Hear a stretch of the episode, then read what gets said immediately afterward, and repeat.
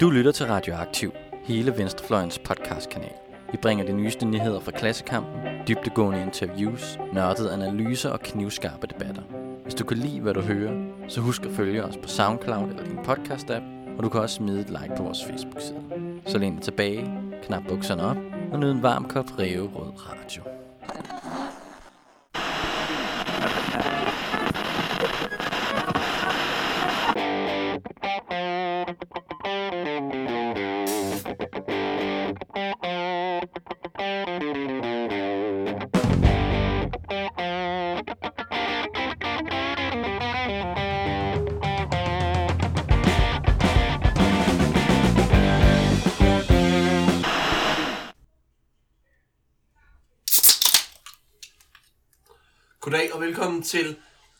Omklædningsrummet Radioaktivs sportspodcast. Vi er efter øh, et par episoder i øh, med udskiftninger og sådan noget tilbage i stærkeste startopstilling. Jeg sidder her sammen med, Simon Østergaard Kivits.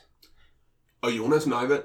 og jeg hedder som sædvanlig Benjamin Bilde Bolsmand, og vi er klar på at øh, drive jer ud i et hæsblæsende, spændende og dramatisk afsnit om kampsport. Men før vi når til kampsporten, og især boksningen, så kunne jeg godt tænke mig at høre, hvad, øh, hvad er det øh, fedeste, eller hvad for noget sport har vi set siden sidst? Jeg vil måske... Øh, noget sport, jeg har set siden sidst. Der vil jeg måske nærmere snakke om noget sport, som jeg ikke har set siden sidst, men som jeg troede, jeg ville have set. Øh, og det drejer sig om anden omgang af finalen i den sydamerikanske pendant til Champions League Copa Libertadores, hvor øh, Boca Juniors og River Plate skulle møde hinanden. Og det er jo sådan en årtusindets fodboldkamp. Det er sådan det største lokalopgør i verden mellem de her to hold fra Buenos Aires i Argentina, som virkelig ikke kan lide hinanden. Og de skulle så mødes i mesterholdenes turneringsfinale. Men den anden kamp af de her finaler er på nuværende tidspunkt stadig ikke spillet, efter Boca Juniors' øh, spillerbus blev angrebet af nogle ret sure River Plate-fans, der, der smed tårgas ind i bussen og smadrede nogle vinduer og sådan. Så det, det, lige nu siger de, at de måske spiller i Madrid øh, på søndag, er det så i dag, så det er den 9. december. Og øh, så flytter man jo så en finale øh, over et ocean. Så, men det sker måske. Hvad tænker de også på at have en finale over to runder? Det er da for sygt. Det havde man også i Europa indtil ikke for længe siden. Ja, det var også, fik vi jo også styr på. Ja, det var også galt. Hvorimod semifinaler, ligesom i de gode gamle dage i FA Cup'en, selvfølgelig skal spilles over to kampe. Det er klart. Det er klart. Den sport, jeg gerne vil tale om, det, er- det er mit eget hold i øh, amerikansk fodbold, hvor øh, Washington Redskins, som øh, udover at være et, et ret usympatisk hold, fordi vi har øh, øh, ansat et par, en børnemishandler, en hustruvoldsmand, og øh, så har vi et øh, gennemført racistisk navn. Øh, vi øh, startede sæsonen godt, og som lidt en overraskelse var vi det bedste hold i vores division, og tænkte, vi kan komme i slutspillet. Øh, og så tabte vi en kamp, og så øh, brækkede vores øh, quarterback, den vigtigste spiller på, øh, i amerikansk fodbold på vores hold, han brækkede sit, øh, sit skinneben i sådan en, en rotations... Øh, fraktur, hvor altså benet blev drejet på en måde, indtil det ligesom sagde knæk og stak ud igennem huden. Øh, og så, øh, så tabte vi den kamp, og så prøvede vi at vinde den næste kamp, og den tabte vi også. Og så, øh, så har vi så nået til tredje kamp mod en af divisionsrivalerne, øh, og øh, der, brak, der er vores erstatningsquarterback har så øh, brækket i den kamp øh, lårknoglen. Så nu øh, har vi ligesom øh, øh, brækket alle dele af benet og, øh, hos vores quarterback, og jeg er lidt i tvivl om, vi så begynder at rykke op til ryggen. Øh, Men altså... Øh, Først kommer bækkenbenet jo. Ja, ja, ja. Vi ser, om vi kan få brækket bækkenet på vores øh, nye erstatningsquarterback. Øh, nej, øh, så det er sådan en, en, en, del, en del af det at være sportsfan, at øh, højt at flyve, og så øh, dybt at falde, og, og brække og knække, kan man sige. Så, øh, så det er meget sådan en, en helt almindelig oplevelse som sportsfan, tror jeg, det her med, at det, det endelig går godt, og så går det rigtig skidt alligevel. Ja, jeg tror, min, min nærmeste, nærmeste oplevelse inden for sport øh, fandt sted her i weekenden, faktisk i søndags, mens vi optager her. Øh, jeg er jo stor Liverpool-fan. Der var lokalopgør mod øh, den anden Liverpool-klub, Everton. En øh, som fan rigtig, rigtig træls kamp at se. Øh, men lige pludselig, ud af ingenting, 5 minutter dybt ind i overtiden, kommer den glemte angriber Origi på det scorer det mest åndssvage mål, jeg har set i mit liv. En fuldstændig mistimet hele flugter, der bouncer tilbage fra overlæggeren, hvor målmanden får den skubbet tilbage på banen, så Origi kan hætte den ind 5 minutter ind i overtiden, og man vinder 1-0 mod smølferne for Everton. Det er fandme smukt. Det er sådan et derby skal være. Grimt og uretfærdigt. Så for den øh, neutrale iagttager, jeg så nemlig også kampen, øh, så var det en øh, fremragende fodboldkamp, især at se Evertons defensive præstation indtil det her mål så sker til øh, allersidst. Men ingen tvivl om, at der er en Puskas Award på vej her. En, en anden sportsbegivenhed, jeg også har set, og som måske også kommer til at indramme lidt af dagen i dag, det er jo boksning. Som sædvanligt har jeg jo altid lige set en boksekamp, inden vi mødes her. Det er også fordi, jeg ser boksning hver søndag grundlæggende. Øhm, og, øh, Day. Boxing Day, ja. Øh, og øh, den øh, såkaldt lineære mester, det vil sige ham, der slog den sidste mester, øh, Tyson Fury, han slog to titlen fra Klitschko, han øh, lavede sit store comeback på den allerstørste scene mod en af dem, der har en af mesterbælterne, som er den amerikanske bokser Deontay Wilder, og som har det farligste højre hånd i boksning.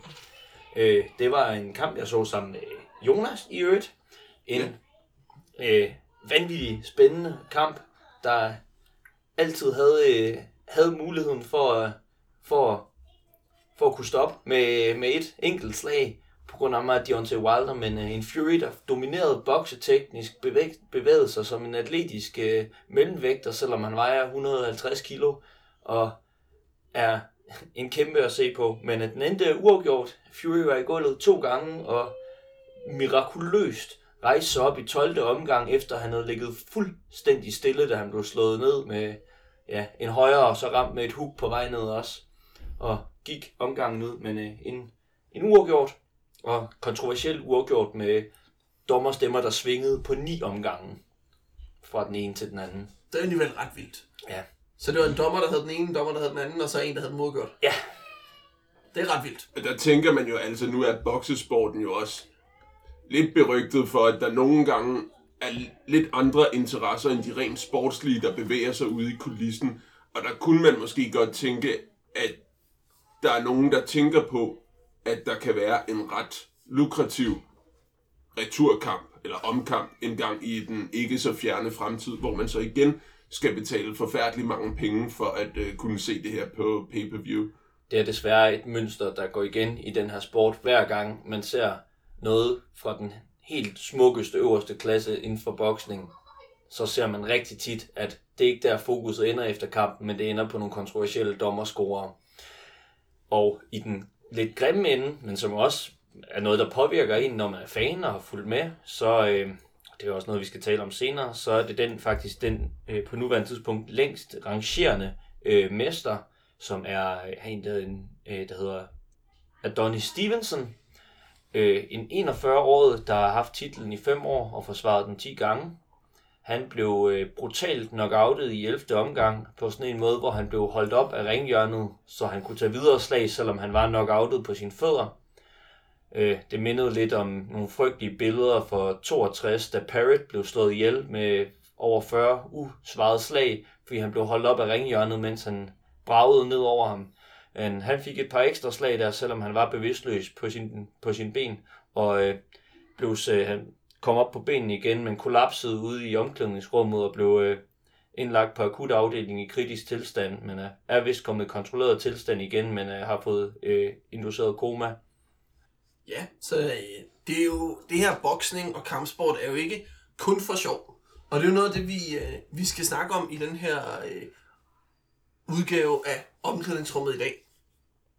Jeg synes, vi skal starte med at prøve at snakke om, hvad er det her kampsport i virkeligheden for en ting, hvis vi sådan skal kigge på det som et kulturfænomen, og ikke bare som en sportsgren. Altså først og fremmest så øh, har det jo fundet altid. Så længe det er nok den ældste sport, man snakker om prostitution som det ældste erhverv, uden at jeg skal gøre mig klog på, om det er det. Men hvis man skal have den ældste sportsgren, så er det nok kampsport i en eller anden form. Det er boksning, eller det er noget brydning, øh, som er det ældste. Fordi det handler om, øh, om det helt essentielle, hvem er stærkere end den anden. Og det er noget, man kan bruge, når man øh, hænger i træerne nede på savannen. Så kan man bruge det lidt bedre, end hvem der er bedst til at lave en krøjfvending på en fodboldbane. Og hvis man så, øh, nu har jeg så taget vores, øh, vores savanne-fortid ind i det her, og der øh, kunne jeg jo så godt tænke mig at bringe nogle lidt mere darwinistiske perspektiver ind i det her, fordi hvad er det egentlig, det handler om? Det handler selvfølgelig om at få lov til at parre sig med hunderne. Nu går vi ud fra, at det er mænd, der udøver de her sportsgrene. Det handler selvfølgelig om at øh, parre sig med hunderne og få lov til det. Og der kan man jo se, hvem får lov til at parre sig med de flotteste chimpansehunder. Det gør den chimpanse, der kan slå de andre chimpanser i hovedet hårdest.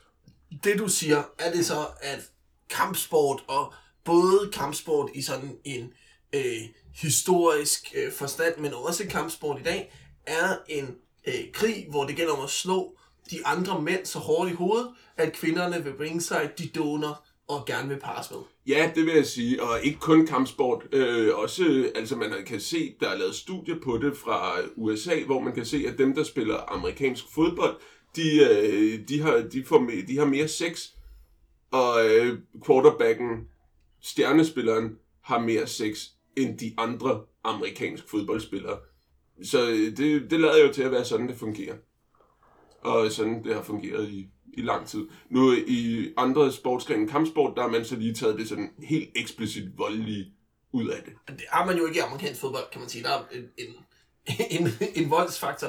Men, men navnet pointe er at sige, at, at hvis sport er opstået, det har vi jo snakket om tidligere, at det er opstået med de her sådan rent fysiske, hvem kan løbe hurtigst, hvem kan kaste et spyd længst, og hvem kan tæve de andre.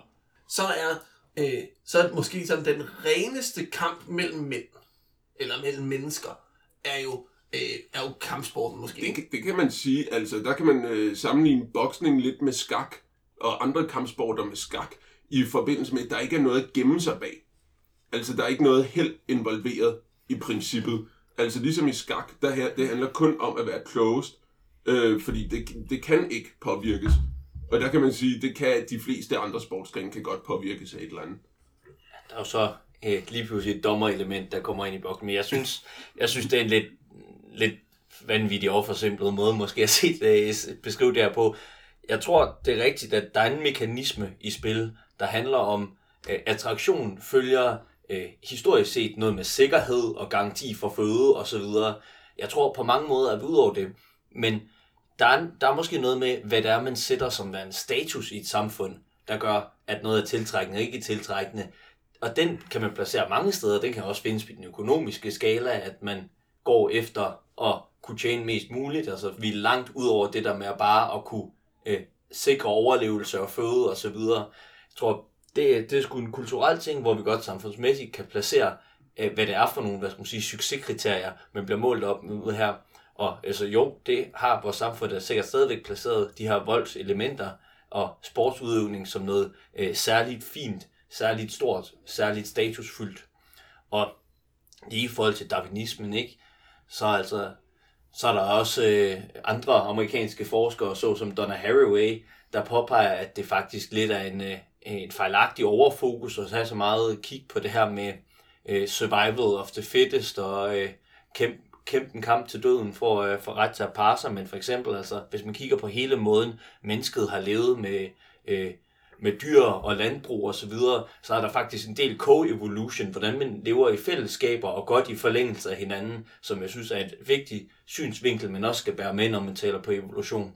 Jeg synes bare, det måske er at, øh, at nedgøre de et godt stykke over 99% af, vores, af vores arts øh, historie, som øh, trods alt er sket i en ret hård kamp Ja. om øh, overlevelse og, Og og det- det, det der- videreførsel. Og det er jo det, der er en fantastisk ting, hvis vi på nogen måder er ved at komme ud over de her knaphedssamfund, hvor det er, at det her det har været øh, nødvendigt og eller nedarvet på grund af øh, frygtelige historiske omstændigheder. Jo, men klart, så er, vi, øh, så er vi ude over det her helt ekstreme knaphedssamfund, som, øh, som jæger samler samfundet må siges at have været. Men jeg tror ikke nødvendigvis, vores hjerner er det.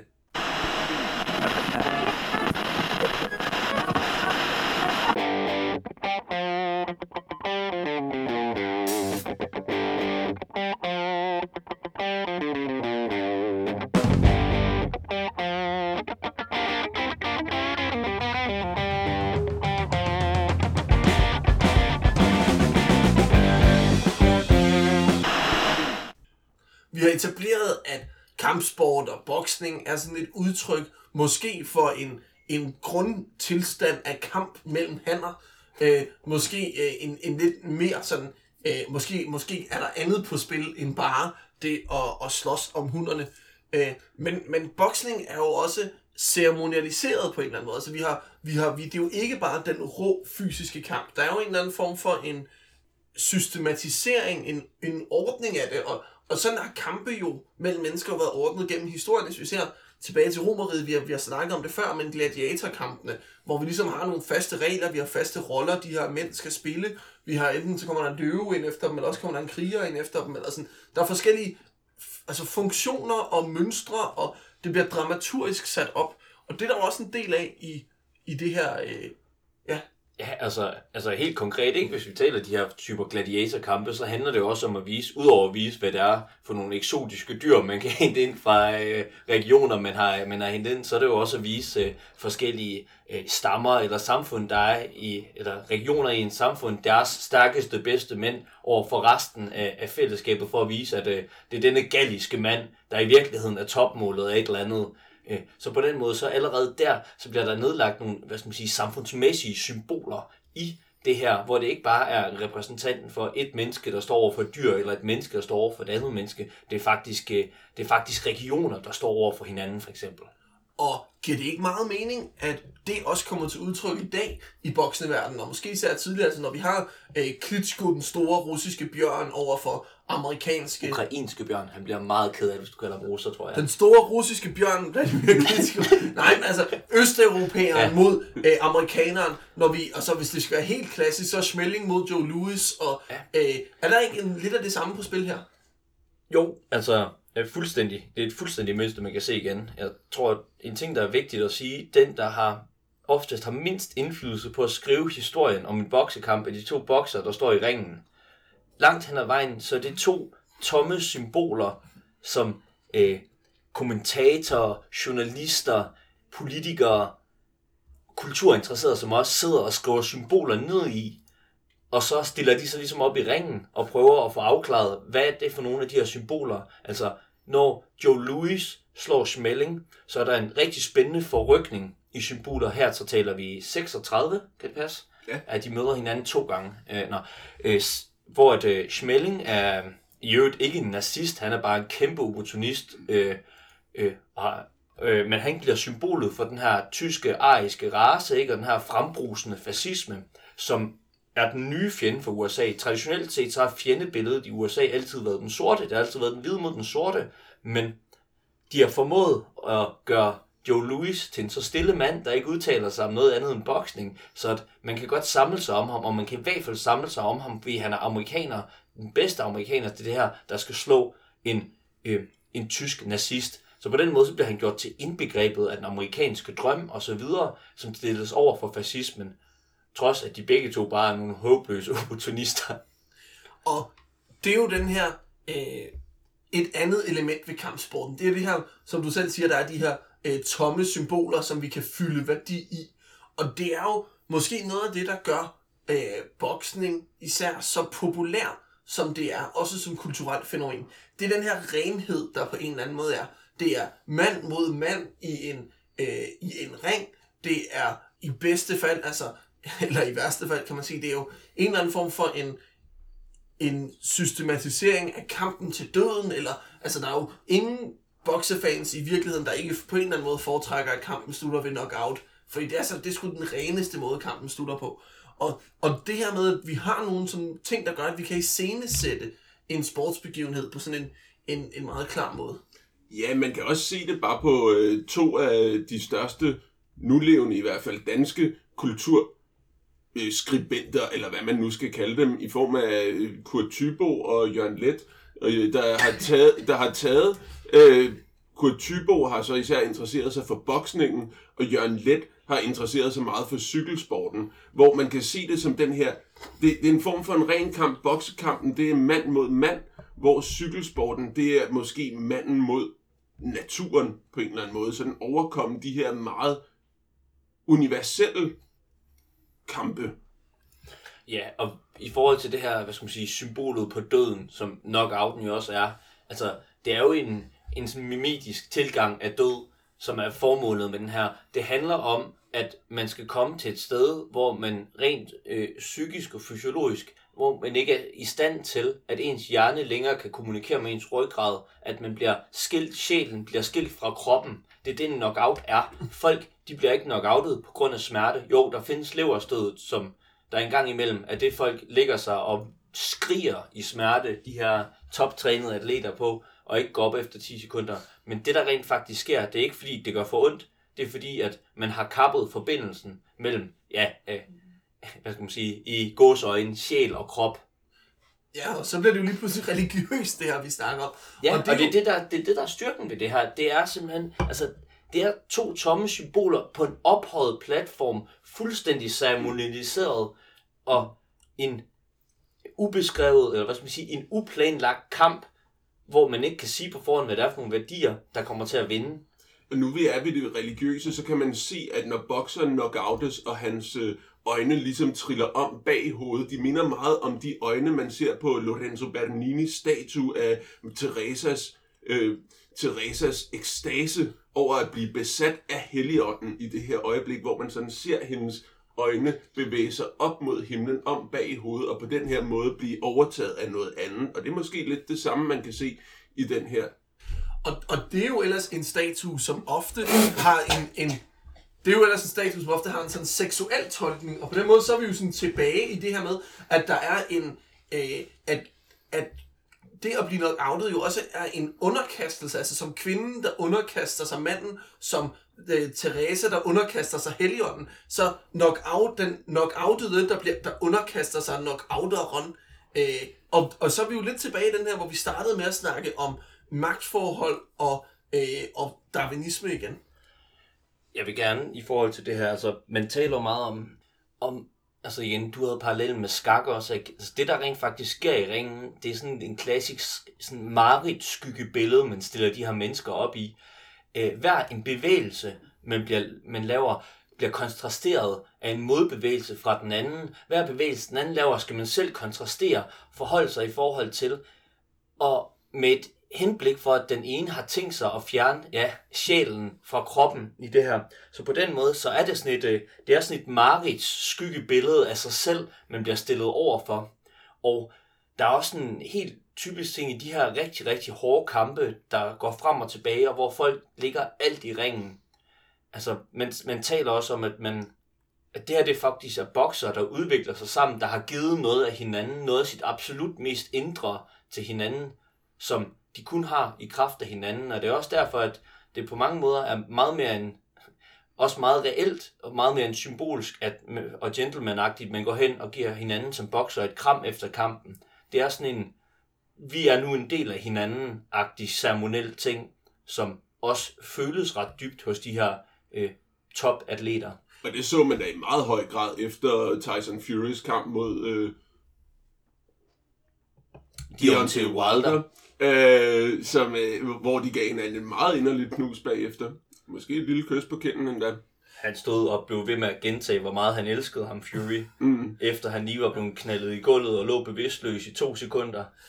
Ja, og det er jo også noget, man ser, hvor det kan have sådan nogle længere øh, træk, og det er ikke kun er sådan den enkelte kamp, men det jo også kan have sådan nogle længere, altså det er en af de store klassiske bokse øh, sådan fortællinger igennem de sidste 20 år, den her Gatti Ward, øh, som er de her to amerikanske boksere, der bokser mod hinanden, og øh, har den første Gatti Ward kamp, som er sådan helt fantastisk, måske, en, hvis, altså hop ind på YouTube, se den boksekamp, og så bagefter ikke være fascineret af boksning, det tror jeg er umuligt. Og så har de jo to efterfølgende kampe, hvor, hvor de jo sådan, når de, da de er færdige med at bokse, jo udtaler, altså, det er jo sådan, nærmest sådan en, øh, han skal være øh, øh, gudfar til min søn, fordi han er den, der er tættest på mig, eller sådan, ikke? Altså, der, der, den der udveksling af inderlighed og af essens, kan jo godt foregå over flere omgange, altså af de her, vi har jo tidligere snakket om det her med, at hvis en kamp er god nok, så bliver den nok gentaget. Altså, så kan vi fortsætte den her udveksling, altså øh, for nu at blive det her øh, darwinistiske parings øh, at tale på, udveksling af essens. Og ja. i forhold til den her darwinistiske parings et eller andet, så tror jeg, at den er meget, meget reel. Altså, der er også noget, altså, der er, altså det vi beskriver, det er jo i virkeligheden et kærlighedsforhold mellem de her mennesker. Og i populærkultur, og særligt sådan en rigtig maskulin populærkultur, der skal man altså gerne undertrykke det homoerotiske. Og det er også derfor, at man rent ceremonielt ser, at der er så meget fokus på, hvor konen til de her boksere er, hvordan konen oplever det her op til. Øhm, ved kvinderne er det lidt sværere, så er det, sådan noget, så er det faren, fordi der skal altid være en mand, der ligesom har æren for, at den kvinde gør noget, ikke? øhm, men altså, og igen, og den her, den her intime kamp, der slutter med det her omklamring og kys af hinanden, ikke? Det er, der er en grund til, at hele ceremonien er bygget op om at gøre det klart, at det her det er nogle rigtig mandige mænd, der i hvert fald også er heteroseksuelle, fordi det, det homoerotiske i virkeligheden øh, mytologisk ligger lige under overfladen ellers.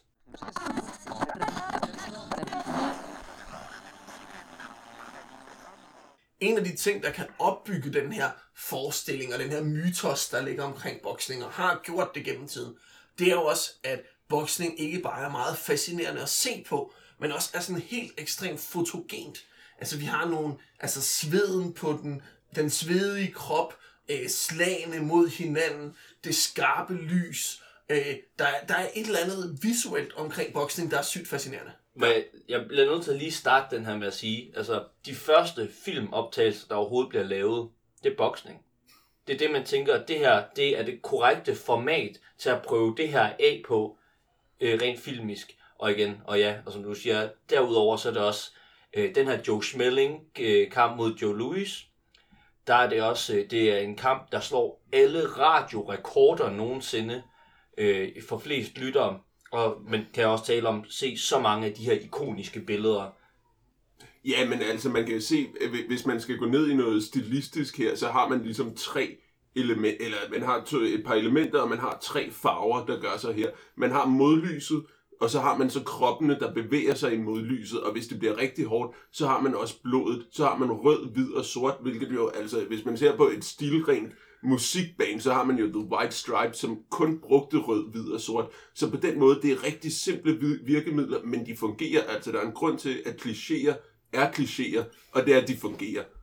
Og, og desuden så, altså, sådan nogle flyvende sveddråber øh, fotograferet i modlys, det ser jo sindssygt godt ud. Ja, og det her med, at boxing ser godt ud, har jo nogle sådan kulturelle betydninger, udover bare, at folk ser boksning.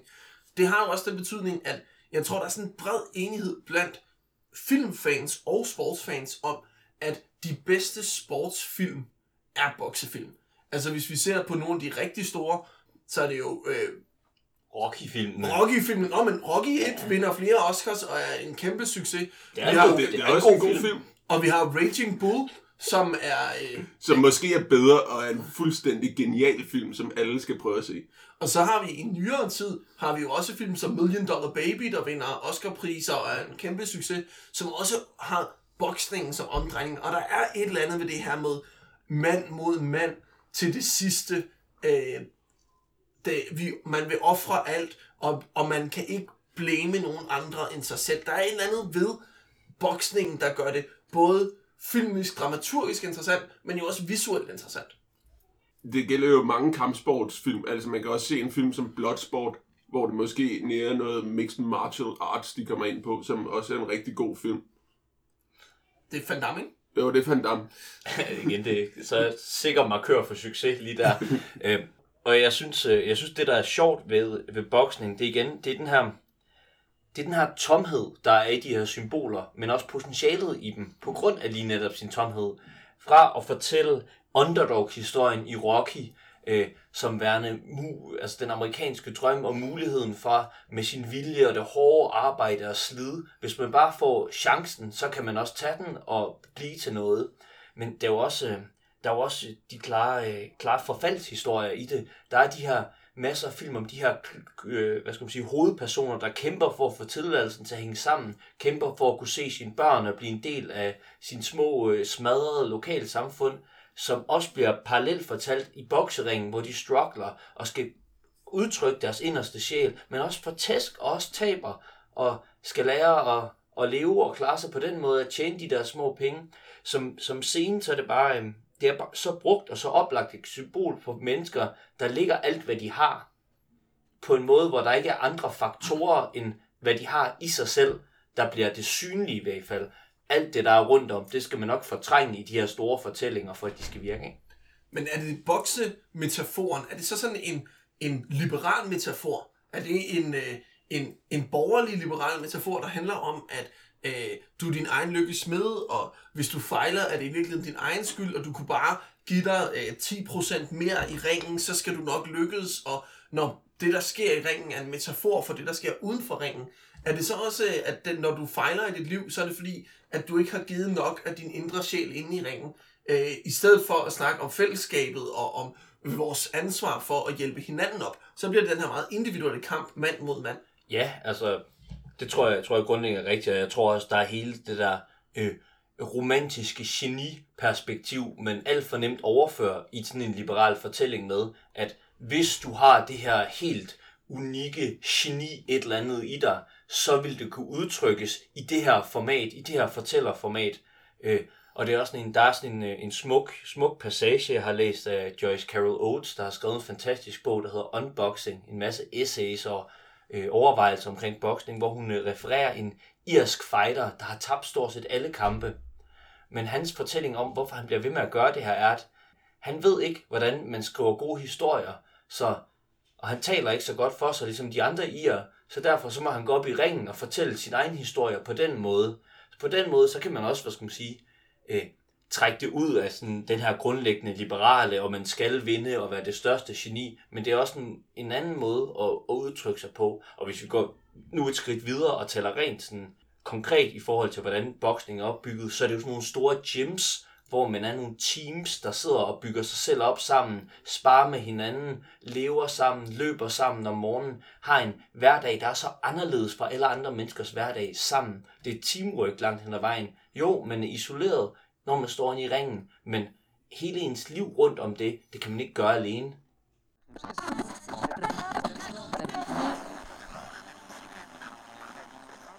Nej, hvis vi ser på sådan mytologien omkring bokseren, så er det jo tit, så er det rigtigt, så har vi, når vi sidder og når til, at de er professionelle, så har vi bokseren og hans kone. Men historien om bokseren er jo rigtig tit bokseren og hans træner.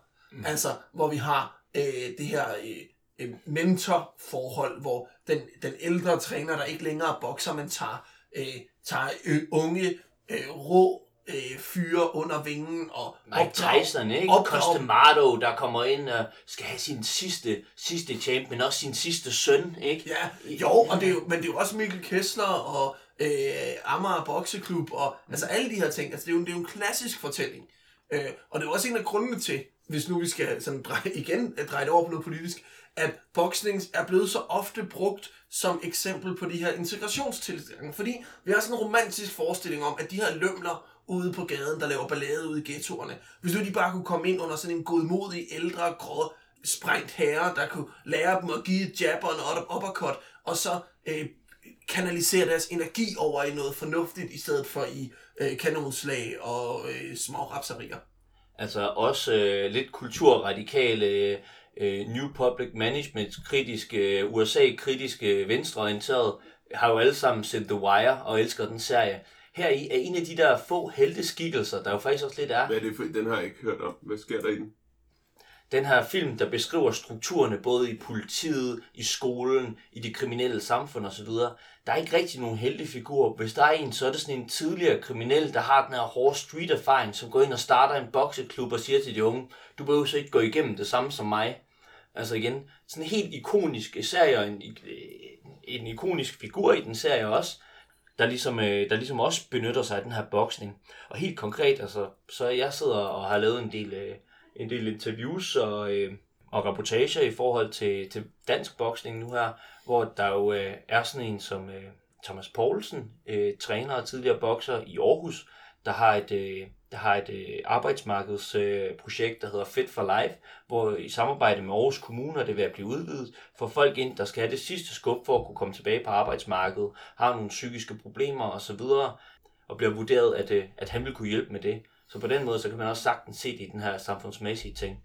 Men måske en, er det en meget socialdemokratisk fortælling i virkeligheden. Det der med, at hele livet ude omkring, der har vi et samfund, der hjælper en at bygge op, men man bliver stillet ind i ringen, og til sidst så skal man performe selv på en eller anden måde. Jeg ved det ikke, er det det?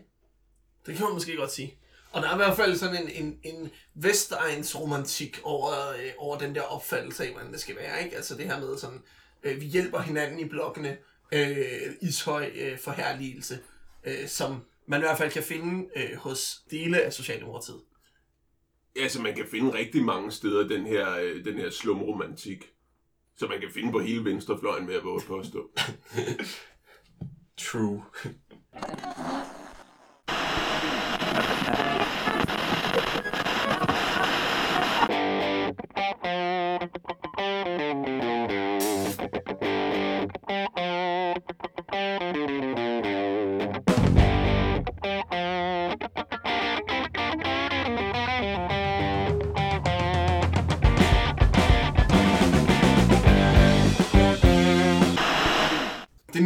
Som, øh, som vi har aftalt at snakke om, det er at prøve at se lidt på øh, boksningen over for sådan den mere, måske moderne konkurrenter.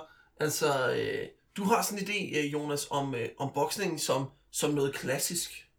Ja, altså man kan måske se øh, boksning, det, det har vi jo snakket om som den her mand mod mand historie, som det, altså hvis man skal se det som et narrativ, så er det den her mand mod mand historie, man finder frem til, hvem der egentlig er stærkest, hvem der egentlig har ret på en eller anden måde, hvem der vinder og hvem der taber. Og der kan man jo så sætte det over for et øh, andet øh, fænomen af amerikansk afstamning, nemlig en ting som wrestling. Altså, og det er jo, det er jo en, en form for teater, hvor der står nogle, øh, hvor der står nogle muskuløse mennesker med babyolie på og forskellige, og forskellige udklædninger. Og så, skal de, og så foregiver de, at de slås på sådan ret vanvittige måder. Øh, det gør de ikke. Øh, men det er, det, det, er ren, det er ren teater, og der er heller ikke særlig mange, over, der, som er over 9 år gamle, der tror på, at de rent faktisk slås. Øh, så der er, ikke nogen, der er ikke engang nogen illusion af autenticitet. De slår sig rigtigt nogle gange. De slår sig rigtigt nogle gange, med, fordi de falder trods alt ned fra rimelig høje steder en gang imellem. Det, kan- det kan godt gøre ondt, hvis man ikke lander ordentligt, men, øhm, men der er ikke nogen illusion om au- autenticitet tilbage i det her, så på en eller anden måde, så kunne det måske være sådan en mere postmoderne fortælling, hvor der alligevel ikke er nogen, der tror på noget af det. Og så er vi jo, øh, det er jo sådan, øh, hvad kan man sige, øh, på, på den ene side, boksningen, den klassiske, så har vi sådan 90'er ironiens øh, kampsport i mm. wrestling, eller 80'er smartass udgave, måske en eller anden blanding øh, Øh, i wrestling. Og så har vi jo fået den, øh, den sådan mere moderne konkurrent, nemlig Ultimate Fighting, eller Mixed Martial Arts. Og øh, Simon, kan du prøve at introducere, hvad er det egentlig for noget? Ja, lige for en øh, boxing wrestling øh, dynamikken af først. Øh, Roland Barthes, han beskriver den her, den her store øh, Filosof. filosof, ja, han analyserer kulturfænomener og gør det på den samme lidt øh, radikale måde, vi gør. Eller en død, han gør det ikke længere. Nej, Nej, det er rigtigt. Nå, han har jo den her beskrivelse af forskellen som, på wrestling og boksning som værende, at wrestling er den klassiske roman på en eller anden måde. Wrestlingen har en masse, en masse koder indlejret i sig. Man ved, hvis man handler efter mønster A, B, C, D, så handler man på den gode og byggelige måde, og så skal man have sejren til sidst. Træder man et skridt ud fra det, så vil der også komme en straf i forlængelse deraf. Så på den måde, så bliver øh, publikum trænet til at se en øh, forvejen skrevet fortælling og lære, hvad der er de gode og rigtige værdier, man har succes med. Det, det er det, boksning træder ud af. Det er en historie, øh, hvis forløb skriver sig for øjnene af tilskueren, og hvor at man ikke kan sidde og sige, at ham her, der har talt på den rigtige måde op til kampen, har bokset efter det rigtige reglement og ikke slået så meget i pikken, øh, at han også vil være den, der, øh, der vinder til sidst. Øh, det er sådan et klart formmæssigt brud, der er mellem de her ting. I forhold til, til MMA og, og boksning, hvad var spørgsmålet igen? Det, hvad, er, hvad er det her øh, uh, UFC Ultimate Fighting Øh, og uh, Ja. Mixed Martial Arts? Ja, UFC er jo så den her organisation, der efterhånden næsten har, øh, har fået, øh, har fået øh, Monopol. monopol ja, på den her, øh, den her sportsgren. Øh, mixed martial art er sådan en... Øh, er sådan en sportsgren, hvor det er, der ikke rigtig er nogen regler. Man må ikke øh, slå i pikken, og man må ikke prikke i øjnene og sådan nogle ting, men ellers altså flyvende knæ og albuer og er okay. Og så er det, det her, den her sportsgren, der skifter mellem at stå op og øh, bokse, sparke, fyre, øh, fyr albuer af, og så være ned på, øh, ned på canvasen og wrestle. Så det er på en eller anden måde, det, det kræver, at man er en komplet fighter. Oprindeligt startede det her i start 90'erne med øh, den brasilianske familie Gracie-familien, der ville bevise, at deres tradition var den mest effektive kampsport i verden. Derfor blev der arrangeret nogle stævner, hvor det, øh, en masse forskellige, med forskellige baggrunde kunne stille op, og det var uden vægtklasser osv., og, og de var meget bevidste om, de her, den her Gracie-familie, at sende en kun mellemstor øh, udøver af deres kampsport ind, for at vise, at det var uafhængigt af vægt og stilart, at det her det var den ultimative og effektive måde at bedrive kamp på.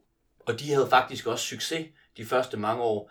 Men det, der er sket med den her kampsport fra år til år, efter den også har udviklet sig, der er kommet vægtklasser nu og så videre, det er, at øh, den er lidt brudt ud fra, at man kommer med forskellige baggrunde i forskellige øh, kampsportsteknikker, og så er det blevet en unik sport i sig selv, hvor det er, at man har fundet ud af, at man godt kan øh, vinde på leg kicks over den her Gracie-familie, så man har udviklet en hel palet af kamp, hvilket gør, at den ikke er så, hvad skal man sige, så konstrueret eller sådan noget længere. Nu er det faktisk, jeg synes faktisk, det er gået hen og blevet autentisk på en eller anden måde, fordi nu er det blevet gået hen og været det, man kan bruge på gaden. Jeg vil, jeg vil mene, at der er en, øh, der er en moralsk forskel på de to øh, sportsgrene. Jeg synes for det første, at øh, mixed martial arts, det virker lidt som, øh, og folk, der dyrker og kan lide det, det virker lidt som nogen, der har set Fight Club og har misforstået det. Og jeg synes, det var fedt, fordi de slås. Det er ikke det, Fight Club handler om. Den handler om mange ting, men ikke det. Det er desuden fed både film og bog. Og desuden så, så mener jeg, at der er noget moralsk forkasteligt i det. Øh, som er, det er lidt, øh, hvad kan man sige, en gentleman-holdning. Det ved jeg ikke, om det er, at man kan også sige, det er bare normal sund fornuft. Det er, at man slår ikke på en mand, der ligger ned. I boksning må man ikke slå på en mand, der er i gulvet. Så bliver man diskvalificeret. Så bliver man diskvalificeret. Det er forbudt, og giver det ikke meget god mening. Det må man godt i mixed martial arts, indtil de dør. Ligesom i, ligesom i Bloodsport med Jean-Claude Van Damme, hvor Jean-Claude Van Damme jo ikke gør det, men hvor den onde gør det. Ja, og det, er jo, altså, det synes jeg er jo ret interessant, ikke? Altså, og, og, og der er der jo den her kobling til den skabte fortælling, og det er jo selvfølgelig, fordi vi er i filmens verden, øh, men der er jo den her parallel til wrestling, ikke? Altså, der er en måde at gøre det rigtigt på, og vi ved godt, at den gode, det er ham, der ikke slår på ham, der ligger ned. Den gode, det er ham, der øh, ikke slår på ham. Man kan se, at ved at blive bevidstløs. Det er ham, der ikke bruger øh, de feje tricks. Og der kan man sige, der er MMA og øh, UFC, som er den her organisation, der organiserer det, det er jo en sportsgren, hvor man bliver ved, indtil man taber ud, eller indtil man ikke kan tabe ud, fordi man er bevidstløs. Desuden så er det lidt underligt, sådan noget, der bliver betegnet som et fejt trick, som at slå folk i skridtet og sparke folk i skridtet, det er da betydeligt mere harmløst, end at blive slået i hovedet. Ja, altså der er, det skal siges, med tiden er der kommet flere og flere regler og regulationer i forhold til det her. Det har også gjort det svært for UFC de første mange år at få lov til at være en lovlig sport. Sådan en som John McCain, den gamle amerikanske republikaner, var meget imod den her sport og fik den banet øh, rigtig mange steder i USA. Men ja, altså, jeg, som tilskuer for mig, så synes jeg, det er en svær sport at se. Jeg kan godt se den, og jeg prøver at følge den, og jeg prøver også at lære at kende nogle af de her karakterer. Der er nogle, altså igen, nogle sjove karakterer også, der er de topudøverne. Men øh, når det går hen ned og bliver guldkamp, øh, for mig der er det simpelthen, det, det, er, det er for teknisk på en eller anden måde, som casual fan, at forstå, hvad der sker, så synes jeg, det bliver noget grimt og noget rodet noget at se på. Den sådan, æstetiske nydelse, jeg faktisk kan få ud af at se boksning, to personer, der står op, udveksler slag og udvek- prøver at udmanøvrere hinandens kroppe og finde vinkler, Øh, det synes jeg, det, det er mere tilgængeligt som, som casual fan, der ikke er udøvende, eller hvad skal man sige, har særlig meget erfaring med at prøve, hvad det er for nogle dynamikker, der er i spil. Der synes jeg, det er noget rod, og så er jeg helt enig. Jeg synes, det er hårdt at sidde og se på de der mennesker, der ligger nede, bliver ved med at blive banket i hovedet, uden at kunne få parader op, fordi deres arme er låst. Øh, men dommeren må også gerne stoppe kampen lidt tidligere, end de måtte før.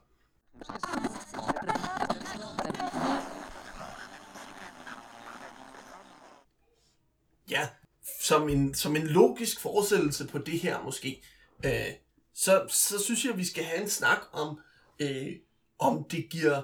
Altså, vi, vi, vi er jo sådan lidt en, en kritisk stilling over for det her med at, at, at slå på en mand, der ligger ned, øh, slå ham i hovedet, fordi han låst armene.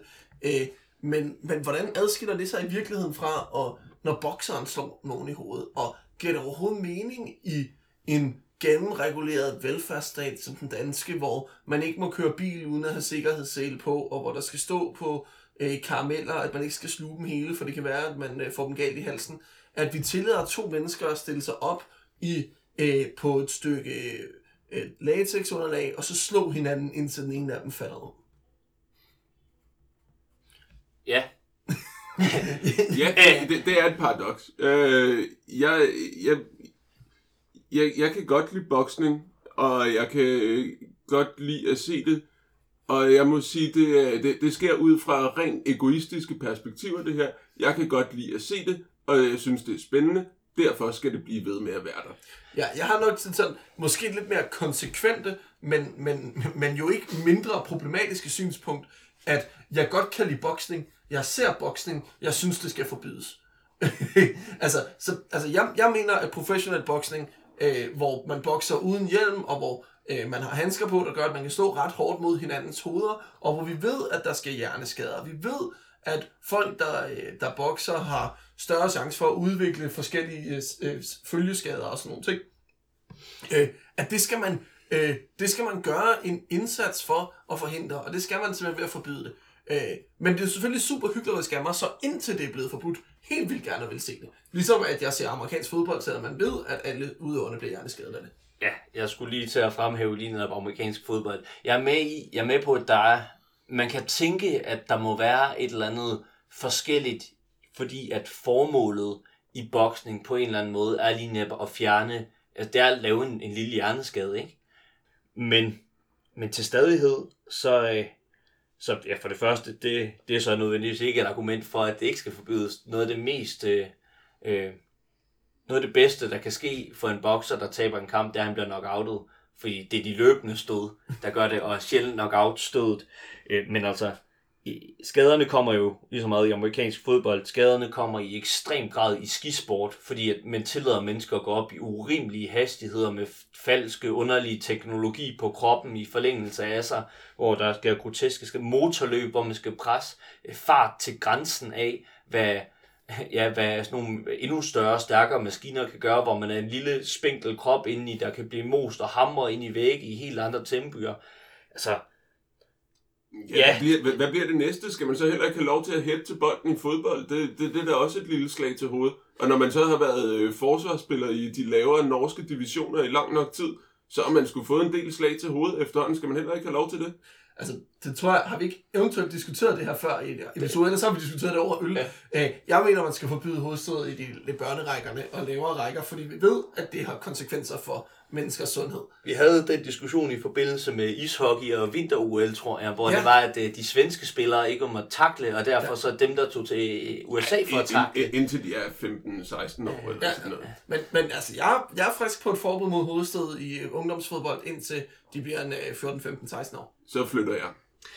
Hvor flytter du hen? Ja, Jeg flytter ind til et sted, hvor det, hvor det stadigvæk er tilladt i Rusland, eller hvad ved jeg, Katar, eller sådan noget. Fordi du bruger Ej, rigtig meget jeg- din tid på at se børnefodbold. Jeg synes, jeg synes det, Ja, jeg synes, der er så mange ting, der sker med en stor, stor risici i det her samfund. Det er fucking med kæmpe store risici, vi tillader folk at gå på arbejde, når der er øh, fysisk og manuel arbejde osv. Jeg synes, med, jo, et eller andet sted skal man lægge en grænse. Jeg føler ikke et behov for at lægge en grænse her, men altså, det er, den her diskussion handler om nuancesager, og for mig ikke absolutter. Øhm, og jo, altså, det er bestemt set øh, skide skadeligt og skide farligt, og øh, det er frygteligt at se øh, de sygdomme og, og øh, talemønstre og sådan noget, der er blevet udlagt øh, hos øh, bokser, der har fået for mange tæsk. Men jeg synes ikke, jeg synes ikke det her grænsen skal, skal sættes. de er, gå, de er begyndt... Øh, nu, nu kommer jeg til at sige sådan noget lidt liberalt frit valg. De har selv valgt at gå til boksning. Ja, Altså, det, så har de nok også godt vidst, at hvis de skulle ud i en boksekamp på et tidspunkt, så risikerede de også at få et par på hovedet. jeg synes, det er vores opgave. Mere end, mere end jeg vil bruge det der som argument, så vil jeg synes, det er vores opgave at arbejde for politisk, at der er den rigtige regulering, der er de rigtige lægetjek, og alle de der ting bliver stillet til rådighed. Vi skal være bevidste og insistere på at stille de bedst mulige forhold til rådighed for den her sport, som er en fed sport, som har masser af gode fortællinger i, som og på mange måder også, som sagt, kan blive brugt i øh, integration på arbejdsmarkedet, lære folk om fællesskabsfornemmelser, og det kan man gøre på mange måder. Nogle er tiltrukket af det igennem at udøve sin atletik, udøve sin sport på den her måde, ligesom andre er for fodbold, og det synes jeg er fair nok.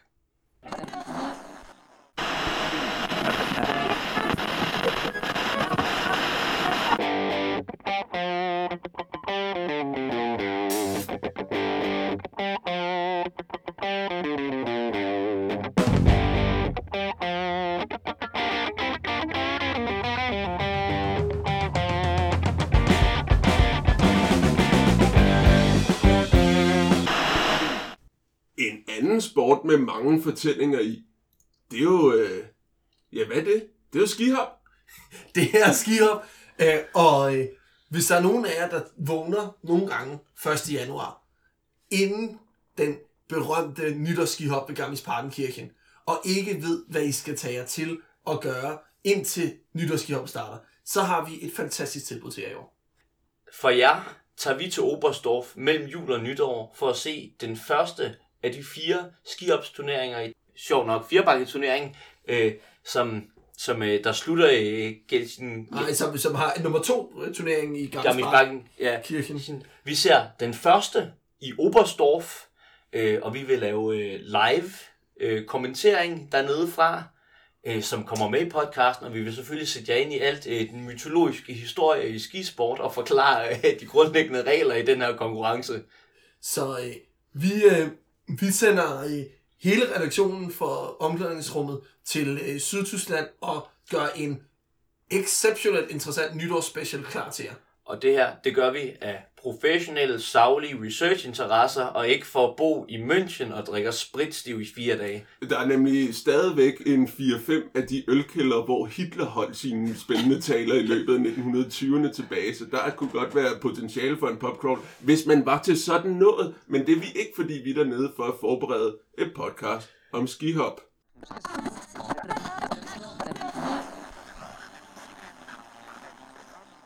På en afsluttende note, bare lige for ligesom at samle op på nogle ting og nogle måder, der vi har udtrykt os på i den her, øh, den her podcast indtil videre, vil jeg bare lige gerne til sidst påpege, hvordan det går med kvindeboksning.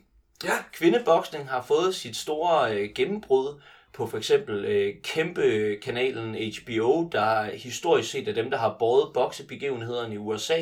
Den norske Cecilia Brækhus har været med der, og øh, The First Lady of Boxing, som hun hedder, øh, skal bokse igen der. Og derudover så sidder man og taler om en irsk bokser, der hedder Katie Taylor, som bliver sammenlignet med den her ukrainske bokser, der hedder Lomachenko, som øh, alle stort set vurderer som værende pund for pund den bedste. Og mange af de her øh, engelske eksperter undskylder faktisk for at sammenligne hende med den her Lomachenko, fordi hun er sin egen unikke bokser på det her helt sindssyge verdensniveau.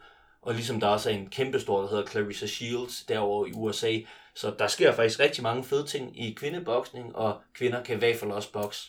Ja, og der er jo en hel masse interessante perspektiver omkring, øh, hvordan man har hvordan man har behandlet kvindeboksning og sådan ting, som vi desværre ikke kan komme ind på i den her udsendelse, men som øh, man kan håbe, at vi øh, måske kan vende tilbage til. Der den ligger i gang. hvert fald en rigtig god temaudsendelse i, øh, hvordan historierne om kvinder inden for sport har været. Måske eller den måde, vi lavede vores kolonialismeudsendelse på, som tematisk udsendelse. Ja, Ja, man kan jo bare se her, her i dag, der blev øh, priserne for øh, den bedste fodboldspiller i verden uddelt, hvor for første gang så fik kvinderne også en guldbold, hvilket der så var en norsk fodboldspiller ved navn Ada Hegelberg, der vandt, hvor efter ham, der uddelte prisen til hende, spurgte hende, om hun kunne twerke lidt på scenen. Det er ikke det, man siger til Luka Modric, der så vinder fra Kroatien, der så vandt øh, mændenes. Og jeg håber, man får et par på hovedet, hvis man siger det til Ronda Rousey eller en af de store MMA-kæmpere. Ikke? yes. Øh, vi siger øh, tak for den her gang med vores øh, boksning- og kampsportsudsendelse. Vender super stærkt tilbage nytårsdag med en tømmermandsudsendelse om skihop, og håber, at I vil lytte med. Tak for i dag. Det bør I gøre.